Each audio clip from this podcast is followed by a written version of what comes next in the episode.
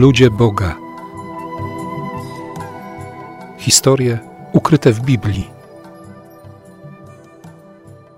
Siostry i bracia, i znów jesteśmy zaproszeni do tego, by, by doświadczyć mocy Bożego Słowa, by ucieszyć się bliskością Pana, który mówi do nas, który zaprasza nas do przymierza, do jedności z Nim, do przyjęcia łaski, do otwarcia serca na potęgę błogosławieństwa, jakie przychodzi do nas przez Biblię. Przyglądamy się od kilku tygodni osobie Mojżesza, człowieka bezimiennego, człowieka, który wciąż szuka swojej tożsamości, który próbuje siebie odnaleźć w środowisku dla niego z gruntu rzeczy nieprzyjaznym. Szuka sposobu, szuka kontaktu ze swoimi rodakami, jednocześnie próbuje, jak mówi nam tradycja rabiniczna, wywierać pewien wpływ na władcę Egiptu, na faraona, by naród żydowski, naród wybrany, przestał być utożsamiany z narodem niewolników. Choć z drugiej strony wydaje się, że władcy Egiptu mieli prawo tak traktować Żydów, bo od czasu do czasu pojawiały się w narodzie takie pragnienia, by odejść z Egiptu, by wyjść z tamtego miejsca i wrócić do ziemi, która została obiecana Abrahamowi i jego potomstwu. Czytamy w jednym z midraszy, że w 118 roku od przyjścia Żydów do Egiptu pojawił się pewien człowiek imieniem Jagnon z pokolenia Efraima, czyli pokolenia syna Józefa Egipskiego. I powiedział do Żydów: Bóg mi się wczoraj objawił i powiedział do mnie: Masz wyprowadzić dzieci Izraela z Egiptu, albowiem nadeszła już pora ku temu. Jednak autor Midraszu przypomni od razu w kolejnym zdaniu: Żydzi zachowali jednak w pamięci przedśmiertne słowa Jakuba. I tak mu odpowiedzieli: Nie opuścimy tego kraju tak długo, dopóki nie zjawi się mąż, który przemówi do nas słowami naszego ojca Jakuba. Jednak, jak przeczytamy dalej w tej pouczającej opowieści, członkowie jego pokolenia, czyli pokolenia Efraima, uwierzyli owemu człowiekowi i zawierzyli też jego męstwu. Chwycili za broń, rozprawiwszy się ze strażnikami i nadzorcami egipskimi, wyszli z Egiptu. Nie zabrali ze sobą żadnego jedzenia, wzięli tylko swoje złoto i srebro, bo byli pewni, że za pieniądze kupią żywność u Filistynów. Wiemy, że Filistyni byli ludem, który posiadał swoje państwo między Egiptem a ziemią obiecaną. Tak przeczytamy choćby w 13 rozdziale Księgi Wyjścia, w 17 wersecie. Ta ziemia stanowiła wąski pas wzdłuż wschodniego wybrzeża Morza Śródziemnego. Mówiło się o, o Pentapolis filistyńskim, czyli związku pięciu miast: Gaza, Asztot, Aszkelon, Gad i Ekron. O tym opowiada nam księga Jozułego. Uciekinierzy z pokolenia Efraima mieli również myśl, że jeśli Filistyni nie zgodzą się sprzedać im żywności, to wezmą ją siłą. I rzeczywiście niebawem dotarli do Doliny Gad. Natknęli się na stada pasących się owiec i powiedzieli do pasterzy: Sprzedajcie nam trochę owiec, jesteśmy głodni. W odpowiedzi usłyszeli: Nie możemy ich sprzedać, bo nie należą do nas. Według starego powiedzenia, gdy człowiek głodny to zły, Efraimczycy faktycznie wdarli się między stada, zaczęli wyłapywać owce, a pasterze podnieśli potężny hałas, który sprowokował do szybkiej reakcji mieszkańców miasta Gad. Po zaciętej walce, w czasie której po obu stronach, według Midraszu, padło wielu ludzi, mieszkańcy Gad wyprawili posłów do pozostałych miast z prośbą o pomoc. Naród filistyński zjednoczył się, zebrał siły i przeczytamy w Midraszu: Bóg oddał synów Efraima w ręce nieprzyjaciela. Wielu Efraimczyków poległo w dolinie Gad. Co ciekawe, w kolejnym zdaniu przeczytamy: Ciała ich poniewierały się tak długo, aż przyszedł prorok Ezechiel i przywrócił im życie. Pamiętamy na pewno wizję z 37 rozdziału księgi Ezechiela gdy prorok zostaje wyprowadzony przez Ducha Bożego i postawiony w środku doliny pełnej ludzkich kości. Autor Midraszu mówi, że to były właśnie kości potomków Efraima, którzy polegli w walce z Filistynami. I w konkluzji rabinicznej opowieści przeczytamy: Ci synowie Efraima, którym udało się ujść cało z pola bitwy, wrócili do Egiptu i o wszystkim opowiedzieli swoim braciom. Jeszcze długo potem ojciec Efraim nosił żałobę po swoich straconych synach. Być może tamto wydarzenie, czy rzeczywiste, czy istniejące jedynie w pamięci legendarnej, miało wpływ na synów Izraela, gdy Mojżesz po wielu latach pobytu poza Egiptem przyjdzie, by namówić swoich rodaków, by wyszli z tej ziemi. Bo się obietnice Boże mają wreszcie spełnić. O tym oczywiście jeszcze sobie powiemy, dlatego w tej chwili zostawię ten temat.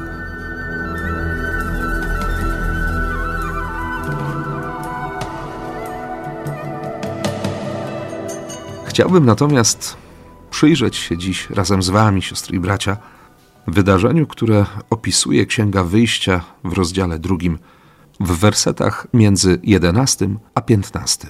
Targum Neofiti, do którego od czasu do czasu się odwołujemy, przekaże nam taką relację. Gdy Mojżesz dorósł, zdarzyło się w tych dniach, że wyszedł on do swoich braci i zobaczył ich ciężką pracę. Ujrzał też Egipcjanina bijącego pewnego Hebrajczyka pośród jego braci. Rozejrzał się więc na wszystkie strony, a widząc, że nie ma nikogo, zabił Egipcjanina i ukrył go w piasku. Słuchaliśmy w poprzednim naszym spotkaniu opowieści rabinicznej, według której Mojżesz pomagał swoim braciom, gdy widział, jak cierpią, jak bardzo są uciskani. Miał ku temu sposobność, wychowywał się na dworze faraona. Miał o wiele więcej praw niż jego pobratymcy. Korzystając z okazji, by nieść pomoc uciśnionym rodakom, Mojżesz w samym sobie odkrywał tożsamość, swoją tożsamość, jako człowieka, który ma korzenie w narodzie wybranym. Ale ponieważ żył w dwóch światach, musiał wreszcie przyjść moment dokonania wyboru, podjęcia decyzji, odrzucenia jednego sposobu życia na rzecz drugiego, tego właściwego, rozpoznanego jako tożsamość. Przypomina mi się w tym miejscu wołanie proroka Eliasza na górze Karmel, gdy zgromadził całego Izraela i zadał bardzo proste pytanie: dokąd będziecie się chwiać na dwie strony? Można przetłumaczyć też to pytanie: dokąd będziecie tańczyć, przestępować z nogi na nogę? Jeśli Bóg jest Bogiem, to służcie Jemu, a jeśli Baal, to bądźcie sługami Baala. Co się działo w sercu Mojżesza, gdy, gdy zobaczył, jak poniewierany jest jego rodak? Warto zwrócić uwagę, że ten człowiek nie ma imienia. To może być każdy. Widok musiał być tak wstrząsający, a przynajmniej tak mocno wstrząsnął Mojżeszem, że nie trzeba było długo czekać na reakcję. Werset dwunasty drugiego rozdziału Księgi Wyjścia podaje następującą informację.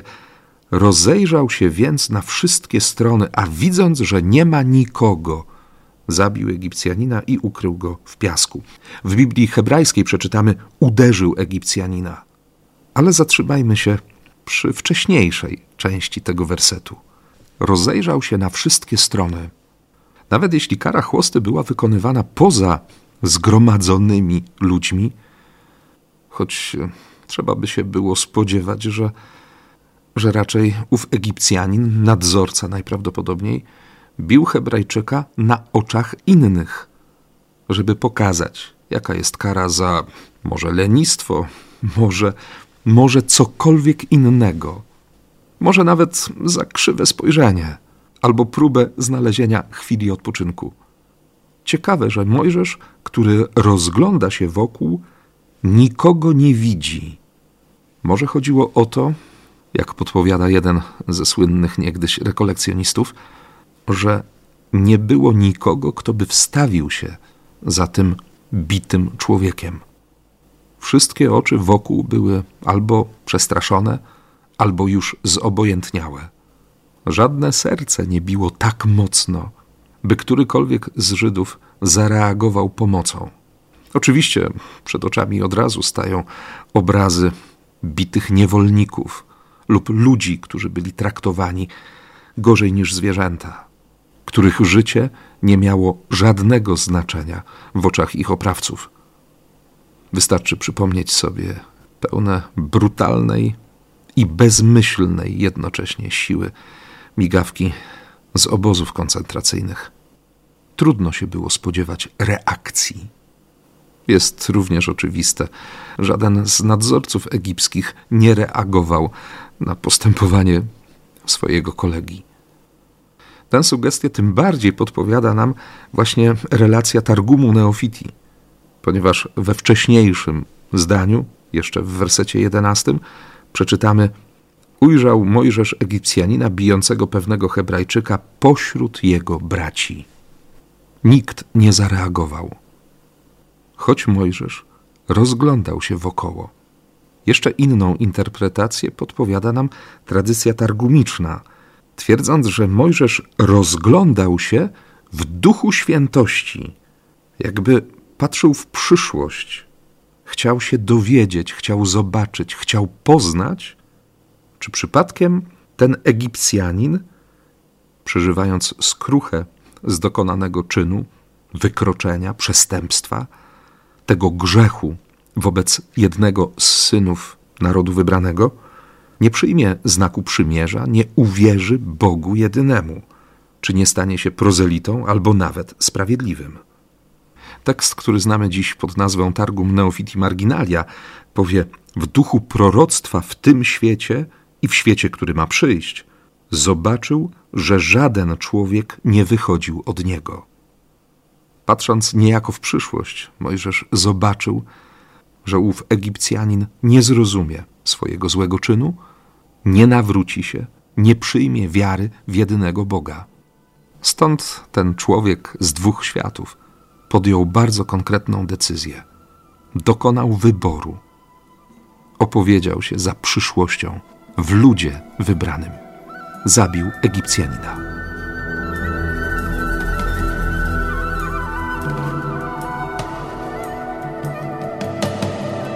Wydawało się Mojżeszowi, że sprawa przeszła bez echa. Czy spał spokojnie tej nocy? Czy bił się z myślami? Tego się pewnie nigdy nie dowiemy. Ale następnego dnia znów wyszedł z pałacu i, i spotkał dwóch Hebrajczyków, którzy kłócili się ze sobą, a nawet ze sobą walczyli. Być może przez jakiś czas przyglądał się całej sytuacji, ponieważ zarówno tekst biblijny, jak i targumiczny powie, że Mojżesz odezwał się do winnego tej bójki. Dlaczego bijesz bliźniego? Czemu, powiedz proszę cię, bijesz twego rodaka? Kto cię tu ustanowił naszym zwierzchnikiem i sędzią? Któż cię ustanowił naszym królem i władcą? Czy chcesz mnie zabić, jak wczoraj zabiłeś Egipcjanina? Odpowiedź tego człowieka kryje w sobie kilka ważnych informacji. Po pierwsze, wcześniejszy czyn Mojżesza nie znalazł uznania w oczach jego rodaków. Można oczywiście było się tego spodziewać. Ktoś, kto zabija Egipcjanina, sprowadza jeszcze większe cierpienie na tych, którzy są traktowani jak niewolnicy. Taki człowiek nie będzie dobrze przyjęty przez tych, którzy od tej pory sądzą, że będą wieść o wiele gorsze życie i ich los zdecydowanie nie stanie się lepszy. Kto cię ustanowił naszym królem, zwierzchnikiem, sędzią? My nie mamy z tobą nic wspólnego. Nie jesteś jednym z nas. Takie słowa musiały zaboleć. Jeśli Mojżesz miał nadzieję, że, że ten czyn, jego konkretne opowiedzenie się po stronie swojego narodu. Sprowokuje innych do otwarcia ramion i, i przyjęcia go w szeregi społeczności, srodze się zawiódł. Dokonać konkretnego wyboru, podjąć decyzję, która zamyka jedne drzwi i ma zostawić otwarte inne, i nagle przekonać się, że za tymi otwartymi drzwiami nie ma nikogo, kto czekałby kto chciałby się spotkać, kto chciałby dalej poprowadzić, kto okazałby zrozumienie, wyraził akceptację. Okazuje się, że, że pozornie nic się w życiu Mojżesza nie zmienia. Przez swoich będzie traktowany jak obcy, a w środowisku obcych skończy się czas pobłażania, tolerowania jego obecności. Przeciwnie, faraon, kiedy dowie się o tym, co zrobił Mojżesz, postanowi ukarać Mojżesza, wyda wyrok śmierci. Jedynym logicznym wyjściem wydaje się ucieczka. W przekładzie Biblii pierwszego Kościoła przeczytamy: Mojżesz zatem usunął się sprzed oczu faraona. Zamieszkał w krainie Madiana. W Targumie Neofiti przeczytamy: Uciekł więc Mojżesz przed faraonem i zamieszkał w kraju Madian. Jeśli spojrzeć na mapę basenu Morza Śródziemnego, okazuje się, że Mojżesz uciekł bardzo daleko. Kraina Madiana rozciągała się na wschód od zatoki Akaba, czyli aż za Półwyspem Synajskim. Wiemy również, że plemię Madiana było spokrewnione z Izraelitami, a z późniejszych tekstów dowiadujemy się, że pasterze tamtej krainy przechodzili ze swoimi stadami na zachód, także na Półwysep Synajski. W tamtym miejscu znalazł się Mojżesz po swojej ucieczce z Egiptu. I jak przeczytamy w Biblii, usiadł przy studni. Cel był prosty: spotkać ludzi, znaleźć swój sposób na życie, być człowiekiem, który nie musi już szukać swojego miejsca na ziemi, zacząć nowe życie. I być może tak właśnie mogłoby się stać. Ale Bóg miał inne plany. Bóg wiedział, że Mojżesz w głębi serca pragnie czegoś innego. I Bóg właśnie tam, na wygnaniu, na obczyźnie, zaczął robić z Mojżeszem niezwykłą historię. Historię wybawienia.